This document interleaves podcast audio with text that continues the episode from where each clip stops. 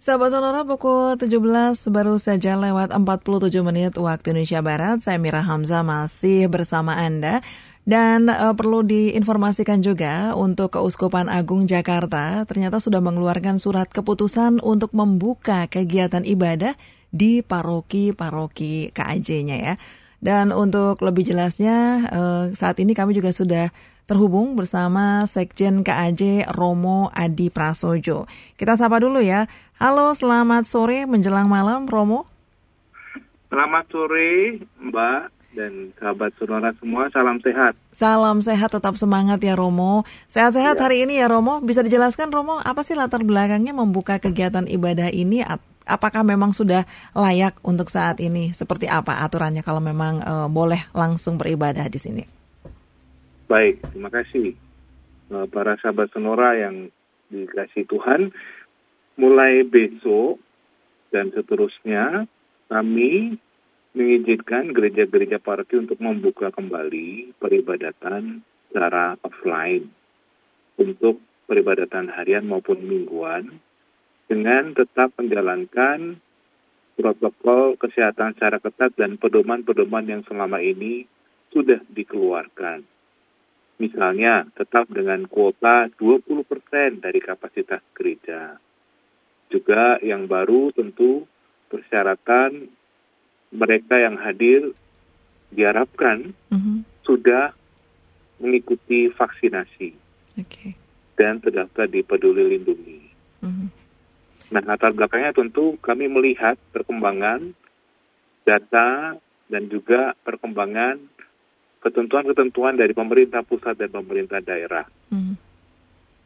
Uh, dari instruksi Menteri Dalam Negeri, dari surat edaran Menteri Agama yang terbaru, juga dari Gubernur DKI Jakarta, Wali Kota, dan segala macam.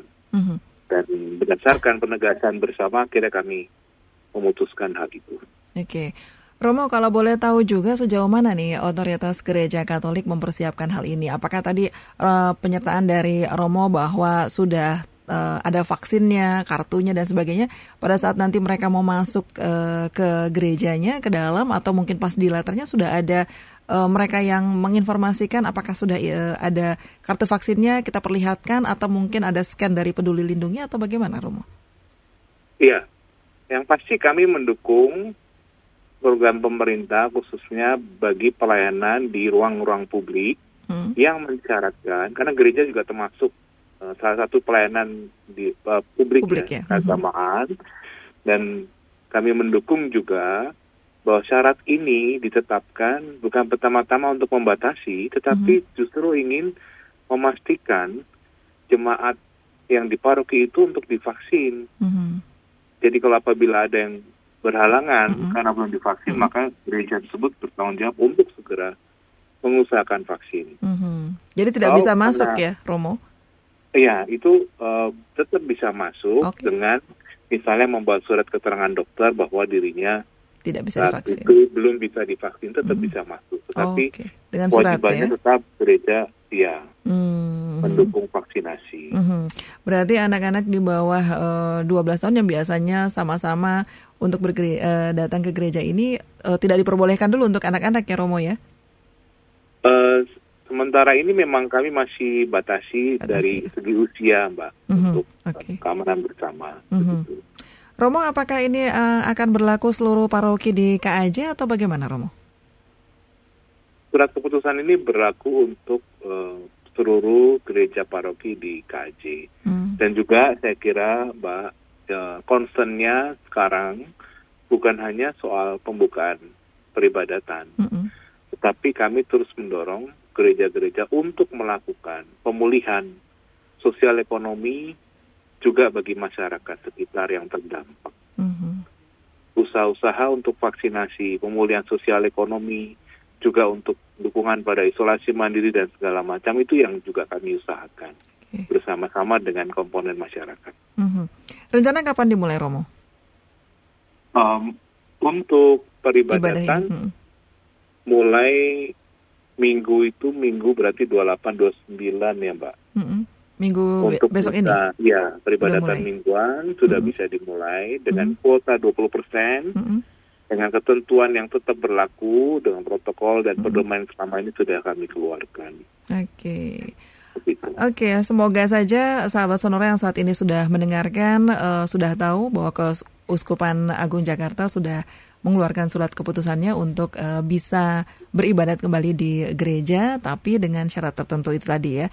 Ada himbauan uh, Romo untuk mereka yang saat ini mungkin baru enggak atau baru tahu, silakan Romo himbauan untuk uh, umat. Pertama, uh, mari kita kembali datang bersekutu di gereja, berdoa bersama, memuliakan Tuhan sembari tetap memperhatikan kesehatan dan protokol yang ada.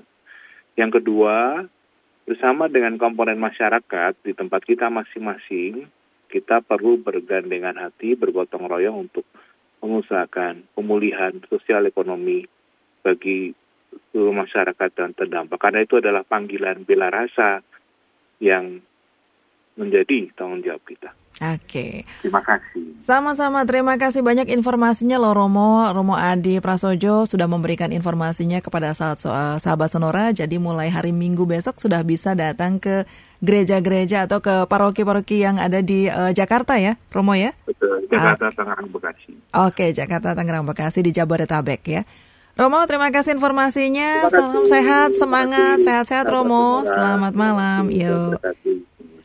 Dan demikianlah sahabat Sonora, informasi yang sudah uh, sangat jelas disampaikan bahwa Keuskupan Agung Jakarta sudah mengeluarkan surat keputusan untuk membuka kembali kegiatan ibadah di paroki-paroki Keuskupan Agung Jakarta. Tentu saja dengan uh, beberapa syarat atau mungkin imbauan bahwa Anda yang mau uh, beribadah ke gereja-gereja uh, di sekitar yang biasa Anda lakukan itu harus dengan uh, prokes ketat dan juga diperlihatkan juga dengan kartu vaksinnya ini yang utama. Lanjut lagi di Sonora hari ini, saya Mira Hamzah masih terus menemani Anda. Kita masih akan bersama-sama hingga pukul 19 waktu Indonesia Barat nanti.